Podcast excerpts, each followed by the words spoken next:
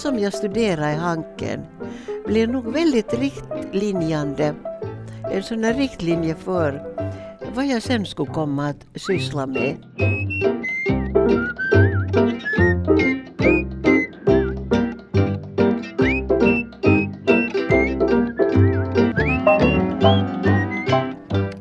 Hej Elisabeth och hjärtligt välkommen till vår podcast Gyllene studietider på Hanken. Som namnet säger så kommer vi alltså att tala om just dina minnen, Elisabeth. Från studietiden här och om det, hur det var att vara hankeit på 50-talet. Mitt namn är Karen Spens och jag är rektor på Hanken. Hanken har ju ändrats mycket sedan den tiden när jag själv studerade på 1980-talet. Idag är vi en internationell handelshögskola med obligatoriskt utlandsutbyte och hör en massa olika språk talas här i våra korridorer när det alltså inte är pandemitider. Men det som vi är väldigt stolta över här på Hanken och, och vill gärna värna så är ju ändå våra traditioner och vårt ursprung. Och därför tycker jag att det här är speciellt fint att vi får vara med och höra hur det har varit att studera på den gamla goda tiden. Nu har vi ju redan hört lite Elisabeth här att du har haft en fartfylld vecka och har fartfyllda veckor framför dig ännu.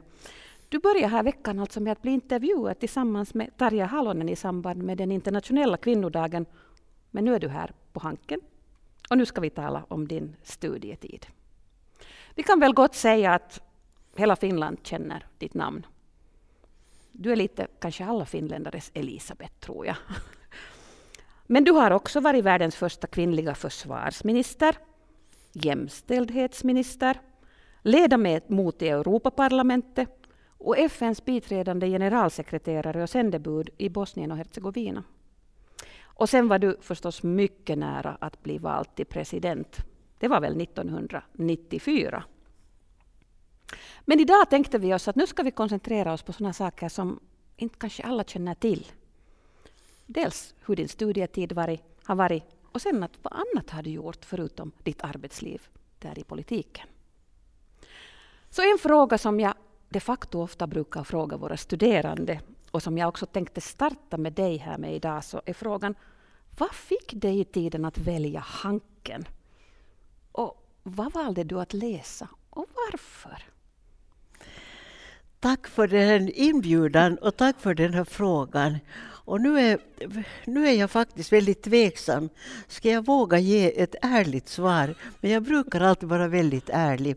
Mina båda äldre systrar, eh, den ena är tre år äldre än jag och den andra knappt tre år äldre än den andra. Så att jag då är yngst av oss. Och de hade båda då börjat studera, de var studenter från Grankulla samskola, vilket jag ju också blev. Och de hade valt då Uni och det var eh, då Phil Filkan där de skulle bli och min eh, yngre syster skulle bli, eh, då, det var i biologi. Ulla blev, blev ju känd som både journalist och, och på Folkhälsan och så. Och Gunnel mikrobiologi och, och gjorde världsomfattande internationellt arbete. Så det var liksom deras framtid. Men för mig när de var i början av sina studier så sa de mycket abrupt att du ska gå till Hanken för då blir du någonting. Och det var att då har du åtminstone ditt jobb säkert. Så jag tänkte att ja, det var år där jag började i Hanken. Och på den tiden var det ju så lätt, då 1953, att man började i Hanken. Det var mycket få som föll ut från det. Det var liksom så mycket lättare liv på det sättet att, att det var inte den där pressen och stressen av inträdesförhör och så vidare. Så att, att att det var, det här är inte någon hjältefylld, hjältinnefylld början på, det, på mina studier i Anker. Men de gav ju mig istället så jättemycket. Och du nämnde lärarna.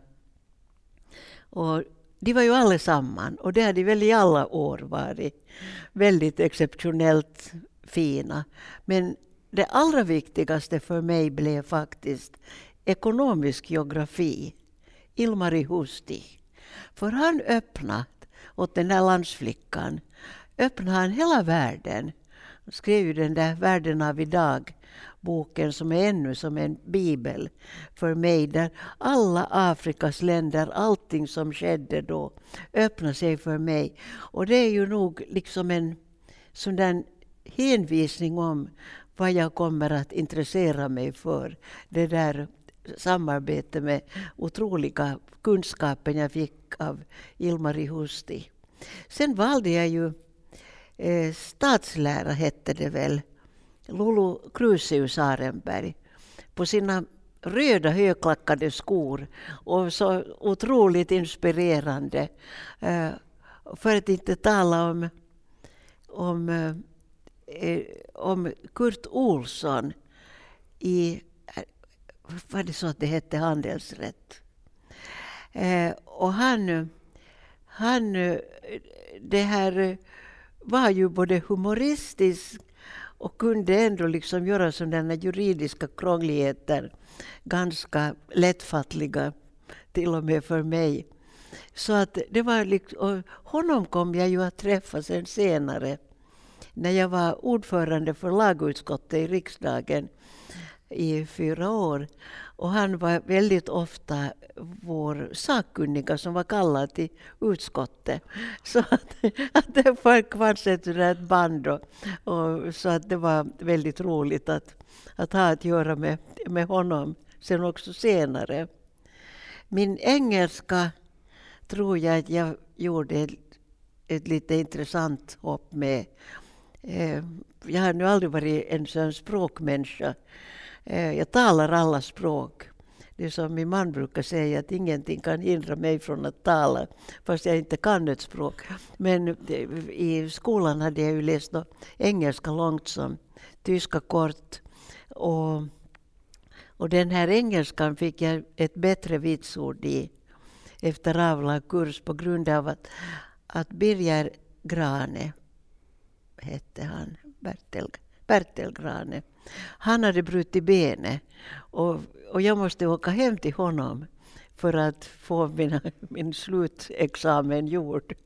Det var förresten ganska komiskt, det kanske man inte skulle rekommendera idag. Men det här, i varje fall, så vi hade så trevligt tillsammans så jag fick säkert lite bättre vitsord än jag borde ha fått. Där har vi faktiskt någonting gemensamt, Elisabeth. Jag har alltså själv studerat ekonomisk geografi i tiden. Har du gjort det? Det har jag gjort. Uh, senare så blev det sen företagsgeografi. Det kallades företagsgeografi på Hanken. Ja. Men nu kan vi säga att egentligen så är ämnesinriktningen har bytts. Det vill säga nu finns det, heter det logistik och samhällsansvar. Ja. Så att det där, jag måste säga att ekonomisk geografi var nog det som fick mitt hjärta att ticka på den tiden också. Och han var, ju var så ljuvlig, och han var ju så ljuvlig, Ilmari Husti, han själv. Så att, men han var, han fanns ju knappast kvar då som det där... Eh, var det han det där slut också i Hanken sen ganska snabbt efter, men det ska jag inte gå och säga någonting om. om. Istället hade jag väldigt mycket att göra med hans, hans då hustru som var chef för Unicef i Finland. Så att, att, alltså de här kretsarna är ju så pyttesmå, att det är alltid någon som finns någonstans. Men jag skulle säga att liksom mina, det som jag studerade i Hanken blev nog väldigt riktlinjande, en sån här riktlinje för vad jag sen skulle komma att syssla med. Att det var då den här politiska rätts, rättsläran uh, för mig att få grunder i det. Och så var det den här världen som ju öppnade sig sen riktigt fullt för mig. Uh, i, egentligen väldigt tidigt med, genom både Röda Kors och Unicef och WWF och så. Men men det har nu varit mycket. Så det är egentligen den frågan som vi hade här också följande, att, att, att, på vilket sätt du har upplevt att du har haft nytta av dina studier på Hanken-tiden. Och nu tog du ju fram konkreta exempel på hur du känner att, att du har haft nytta av dina Hanken-studier. Jo, det är definitivt konkreta exempel. Klart att man har nytta av allting. Man, eh, sen är ju en annan sak att man kastas in i arbetslivet och börjar att faktiskt jobba tänker man att herre gässen då, de här praktiska sakerna man ska göra så inte kan man ju lära sig genom någon studie utan dem ska man, dem ska man eh, då gå igenom på gott och ont sen själv, högst själv. Men i bakgrunden finns ändå alltid det där som man har lärt sig. Plus alla kontakter man får under studietiden. Hur skulle du annars säga att studielivet var på 1950-talet? På 1980-talet åtminstone tycker jag att vi nog också kunde leva det goda livet, vi studerande. Men hur såg det ut på 1950-talet? Vi var ju faktiskt av de åldersklasser som ändå hade kriget något bakom sig. Att det, här, att det, var, eh, det var i alla fall eh, åtta år, hur man nu räknar det. Lapplandskriget pågick ända till 45 och vi började då 53. Så att, eh, men det var i alla fall bakom. Så att vi hade ju mycket av den där känslan att nu tar vi tusan, nu lever vi och nu tar vi de skuggorna ska vara borta och bakom oss. Och, nu, och dessutom genom att man hade kommit relativt bra in hit. Min man kom ju samtidigt, eh, sökte samtidigt in. Han hade egentligen sökt till medicinska men hade han eh, med vår bästa vän men, men båda förlorade med ett poäng eller något sånt. Och hit kom de sen, eller den ena åtminstone, Ove. Jag har nog en känsla av att vi var ganska sorglösa eh, också i studierna. Här var en, spelas det fortfarande bridge i det här huset. Alltså det var något otroligt, de här bridge-turneringarna, att varje paus och många lektioner också. Att jag vet att med min egen make så gjorde jag anteckningar på, på, på de här föreläsningar och, och han satt och spelade bridge. Eh, men, eh, och många andra därtill. Att nu skulle jag säga att det var en ganska lös kurri på oss på det sättet. Själv var jag nog lite sådär eh, modell, snäll eh, studerande att jag tyckte att jag kan nu inte riktigt... Och visserligen, min make blev ju eh, faktiskt sen färdig ett år före mig för att vi råkade ju ut för en sån kalamitet att, att jag blev gravid efter ett år. Och det var en så pass stor skandal på den tiden, 1955, att jag bad om befrielse för ett år från Hanken. Och, och av Nils Meinander som var rektor då.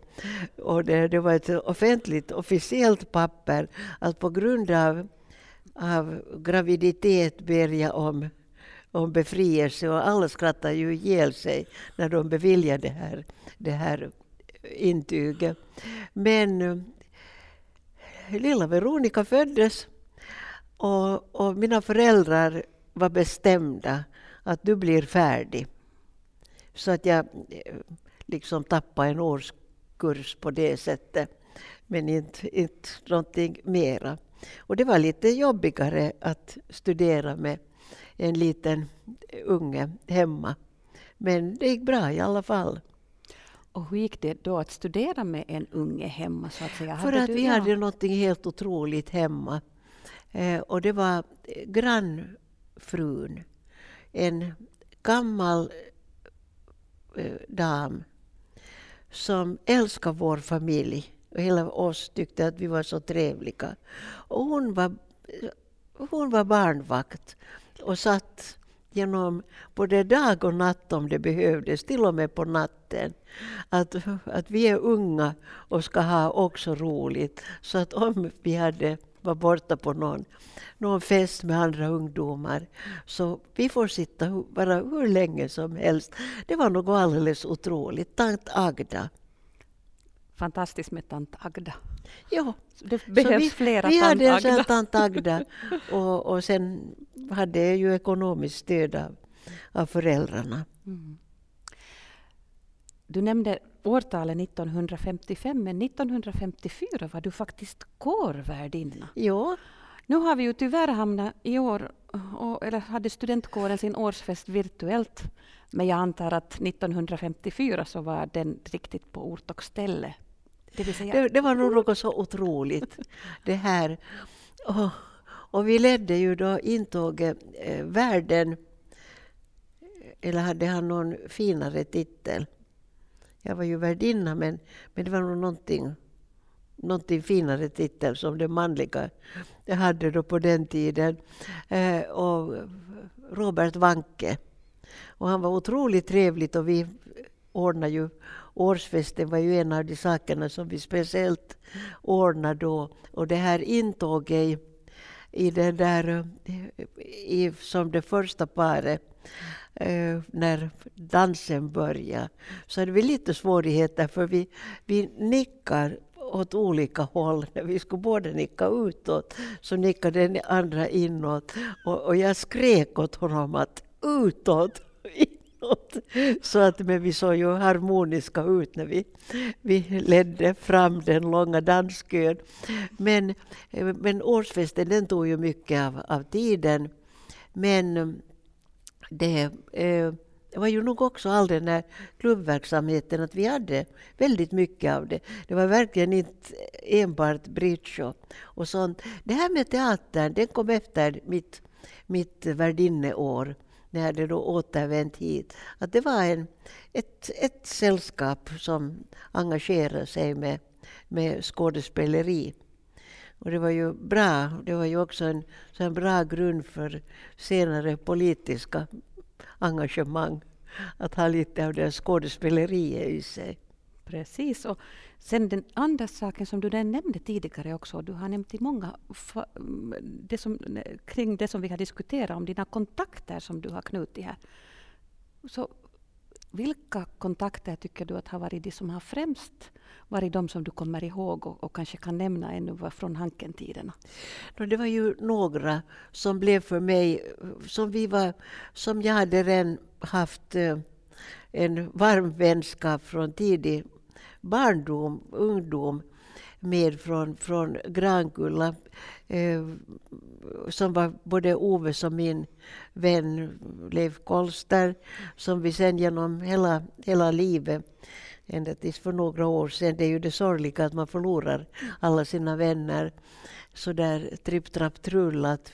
Att, eh, eh, men, men väldigt många just men, men sen också från de yngre generationerna.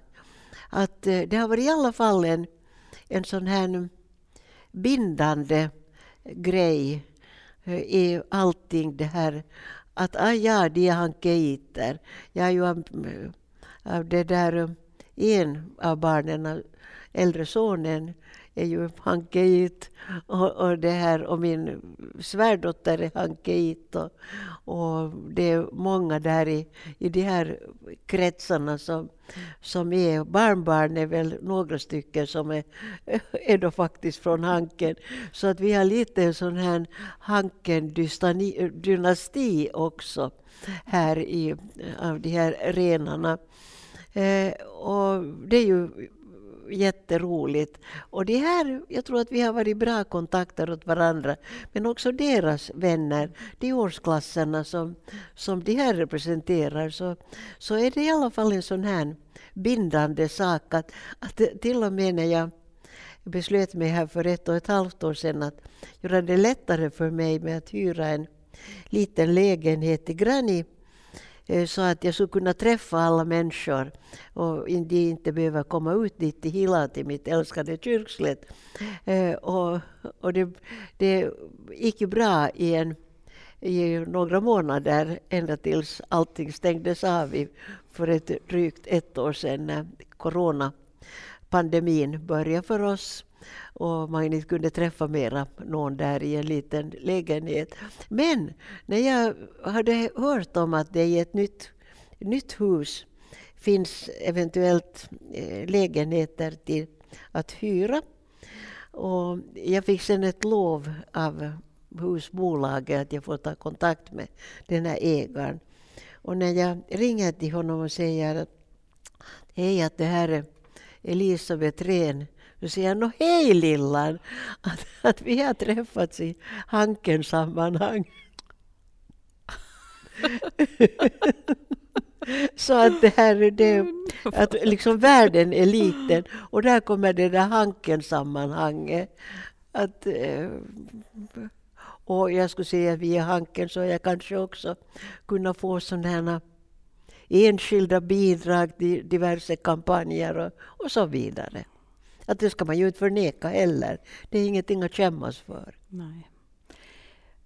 När vi tänker tillbaka ändå på din tid sen ännu här på Hanken så, och du sa att du läste statslära. Det var då din, din, din inriktning, jo, ditt huvudämne. Det var tre röster som jag tog i det. Just. Visste du då redan att, att jag vill bli politiker? Nej, definitivt inte.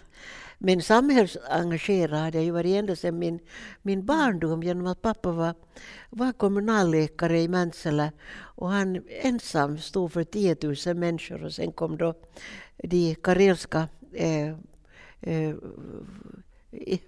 som flyttades, man får ju inte kalla dem i någon händelse för flyktingar utan Eh, de som måste lämna då Karelen så att det var mycket liksom sjuka och mycket, mycket sånt. Och vi åkte, vårt nöje, mina systrar och mina nöjen, var väldigt mycket att eh, åka med pappa på sjukbesök. För att den här arma karln så åkte ju hem på sjukbesök också. Och då såg vi eh, hur annorlunda och hur svårt många människor i de sidobyarna hade det. Så att det blev ett sådant socialt ansvar som nog fylldes redan genom pappas arbete.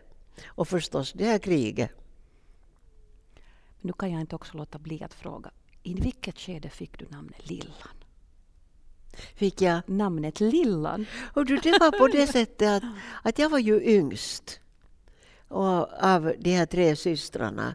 Och det var de som började kalla mig för det. Och de tyckte nästan väl lite med ett sånt hån att den där lillan hon är nu så bortskämd. att hon får allting, hon får sin vilja igenom allt. Sådär som den yngsta ibland får. Så att i en stor, större skara. Men det har ju blivit att hänga med och det är ju fullkomligt löjligt. Det är ju så otroligt löjligt att ha ett sånt smeknamn som blir mm. liksom allas egendom. På finska sen när jag blev så där mera rikskänd så var det ju många som sa Nå hej Ello, ett siellä har någon Ello. Och det tycker jag nu inte alls är lika vackert som Lillan. Det är det absolut inte. Jag tycker att Lillan är ett fint namn. Men man kan ju säga faktiskt att du har banat väg för många kvinnliga politiker också i Finland. Så känner du nu stolthet och hur ser du över dagens situation när Sanna Marin får så mycket uppmärksamhet i de internationella medierna? Nu är jag hemskt glad över det. Vem som helst får ju kritisera mm. en annan politisk inriktning och dess representanter. Men vi kan ju inte komma ifrån att hon har kunnat i alla fall föra Finlandsbilden fram. Och när det tjatas, jag har varit med nu i, ända sedan eh, min, mina ungdomsår. Och min mamma var en mycket jämställd person. Hon var en mycket kraftfull person. Mycket, men kunde aldrig studera för att det hade de inte råd med. Pappa, morfar var polis i, i Esbo och, och mellanskolan i Grankulla räckte till för, för dem att hon skulle börja sen och jobba.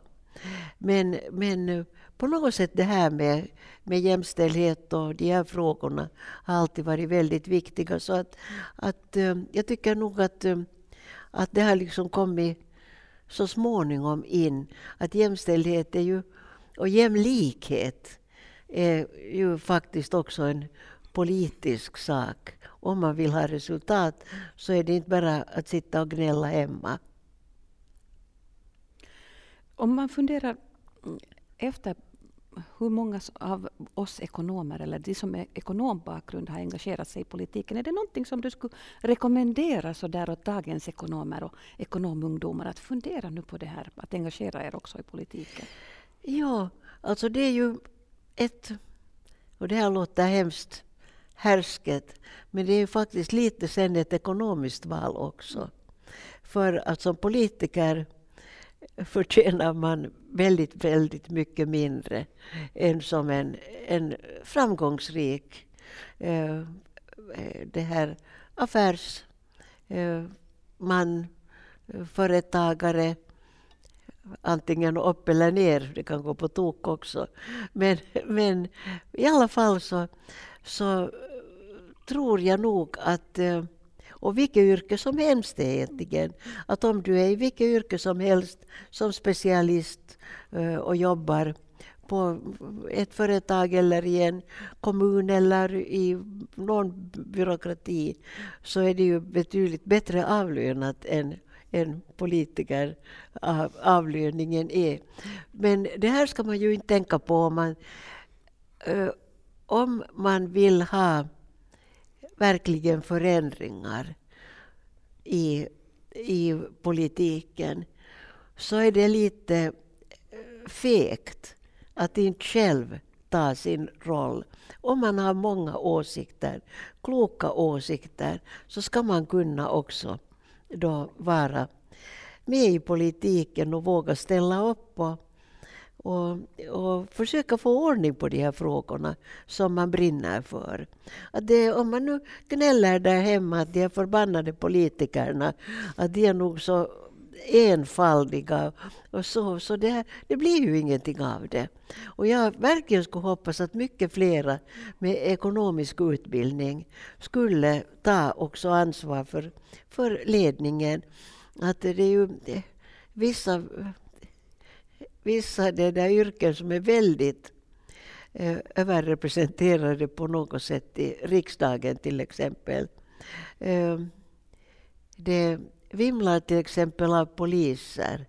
Och det, det är ett utomordentligt bra yrke. Men eh, vad säger det om vad har vi förtroende för väljarna? Är det liksom bara det här rätt och ordning som är viktigt än många andra eh, synpunkter? Finns det något annat råd gällande till exempel studierna? Eller är det någonting som du ångrar att du inte läste i tiden? Någonting som du gärna skulle ha läst om det skulle ha varit möjligt? Eh, det här, I skolan läste jag ju då tyska som kort och engelska som långt. Det ändrade sig just då. Det hade året före. Att Ove till exempel hade långa tyskan eh, och korta engelskan. Men eh, det här eh, Sen i Hanken började jag med franska. Men nånting... någonting, jag vet inte om det inte gick ihop med, med undervisaren och, och mina kemier eller, eller om jag sen tyckte att, att det var att det här blir, och framförallt så, så sa jag åt mig själv att herregud, att varför ska du göra, varför ska du offra tid på, på, nu på franska, för du kommer aldrig att behöva det. Det var den unga Elisabeth som berättade det här åt sig själv och så avbröt hon det. Nå, så blev jag ju faktiskt för en tid, jag ville aldrig eh, det där ställa upp i val för, för EU, för parlamentet. Jag blev ju skickad bland de där första. Så det var ett och ett halvt år och så blev det val. Och så, inkomsterna var enorma. Så det här så ville jag inte ställa upp för jag kände mig onyttig där. Men i alla fall det där, där så när jag, jag liksom där också berättat mig själv att, att varför i Frides, där jag, jag behärskar fyra av Europaspråken och, och, lite till och med italienska. Så varför i helsike måste jag kunna franska här?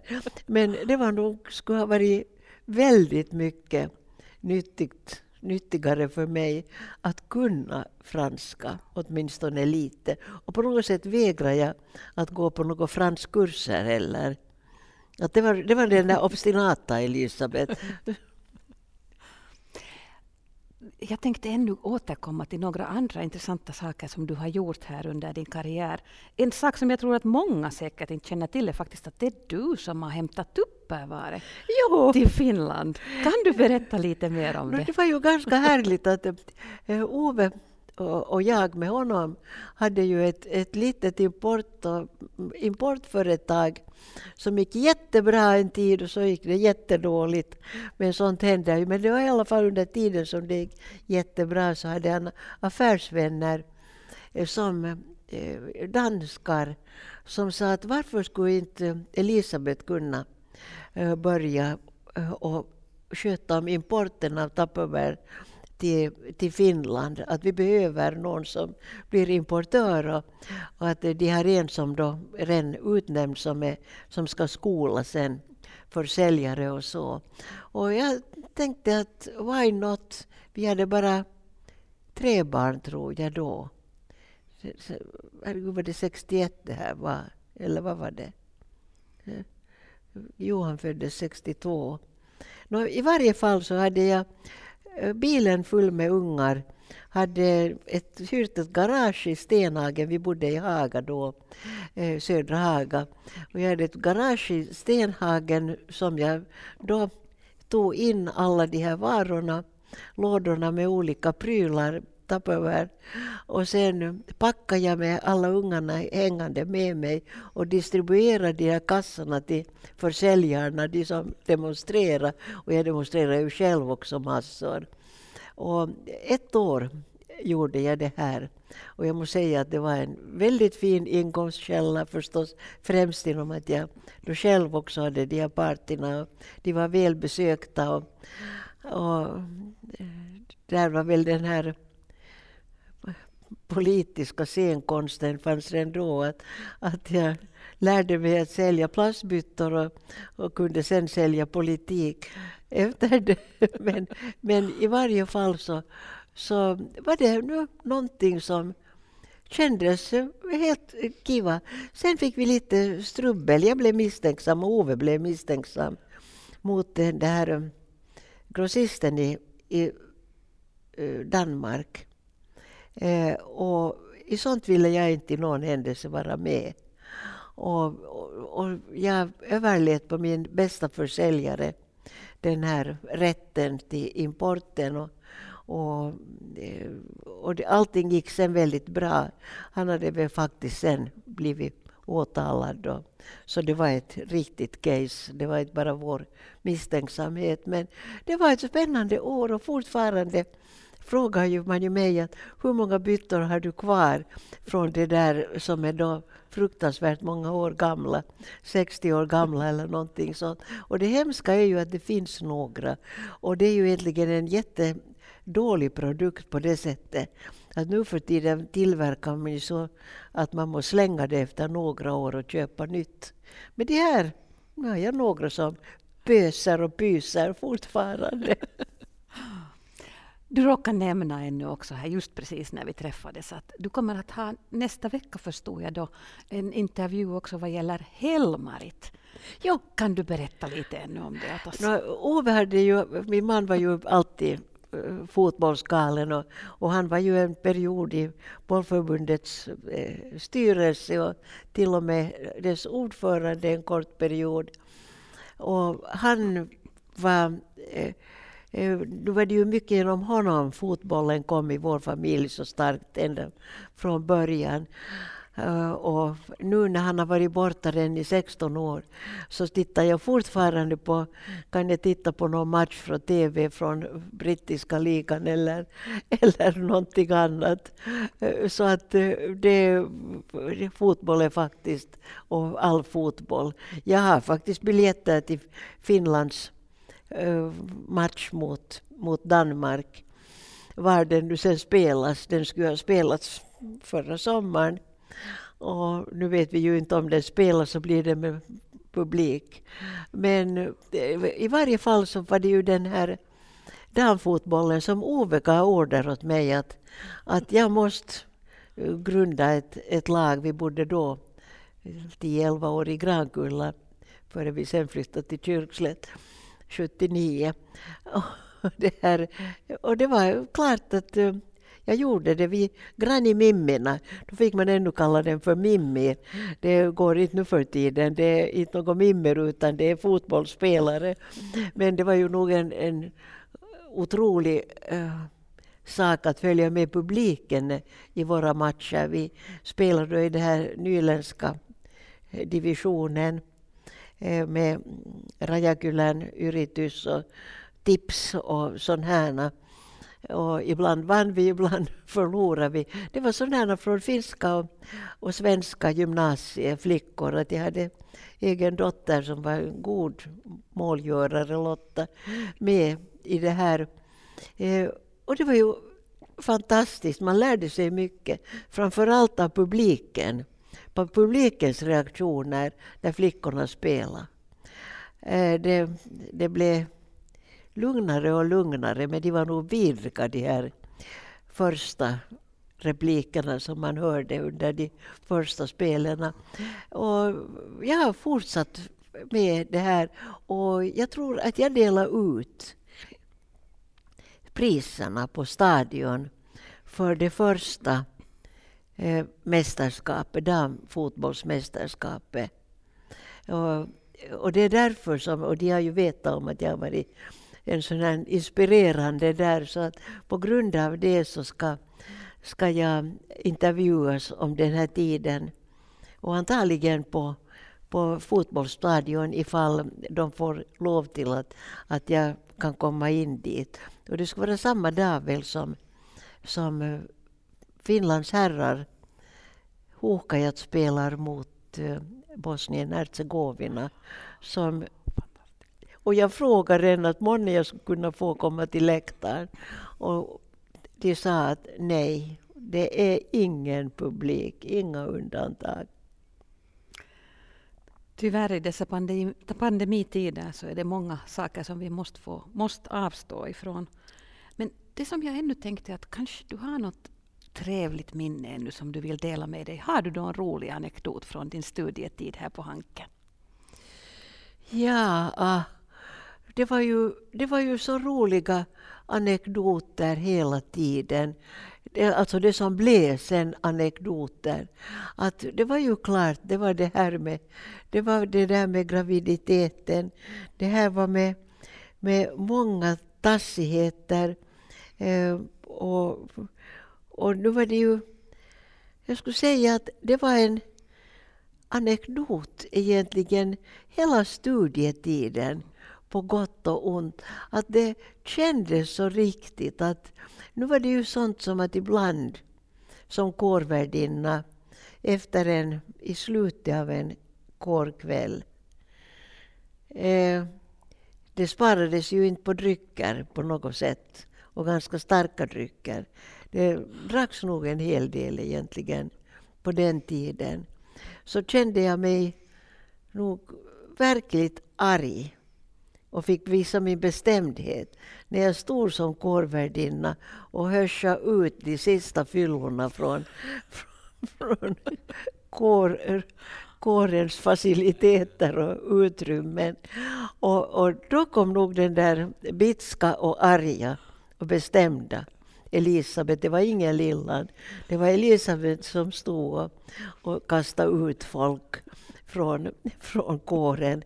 Men eh, då skulle jag säga att det var liksom vänskapen. Och, och jag blev vänligen emottagen till den, den eh, uh, dimensionsklass uh, eh, som var Oves, då ett år senare min egen kurs. Så att, och det har väl lite slagit ihop sig att jag har varit med på de här kursträffarna några gånger. Och då kommer ju alla gamla minnen väldigt bra fram. Att, eh, att jag har blivit liksom accepterad fast, fast det var lite utböling då. Genom att jag hade börjat ett år tidigare. Nu tror jag att det börjar vara dags för oss att avrunda. Och jag tänkte avsluta med att fråga vilket råd så skulle du nu ge till den unga Elisabet som börjar studera ekonomi vid Svenska Handelshögskolan 1953 Och tror du att, att rådet skulle låta annorlunda till dagens studerande? Jag skulle hemskt gärna säga åt den där unga Elisabeth att eh, du ska tänka på din framtid, att du säkert kan försörja dig själv och, och, och faktiskt eh, på egen hand utan beroende, oberoende av någon annan, av hur, hur livet gestaltar sig. Och jag tycker att, att till exempel Hanken skulle kunna vara väldigt bra. Att om du sen tycker att det inte räcker så kan du studera någonting annat till. Eh, någonting, framförallt kanske någonting som har med, med det här geografi att göra, med, med världen omkring, för den vet jag ju så hemskt lite om. Och jag skulle vilja lära mig hemskt mycket mera om, om, om hela världen och inte bara lilla Finland. Så nu ska jag säga åt dig Elisabeth att, att sök in till Hanken. Ja, tusen tack Elisabeth Lillan Ren för din tid och för de vackra orden om Hanken och att du gästar vår podcast Gyllene studietider på Hanken. Tack ska du ha.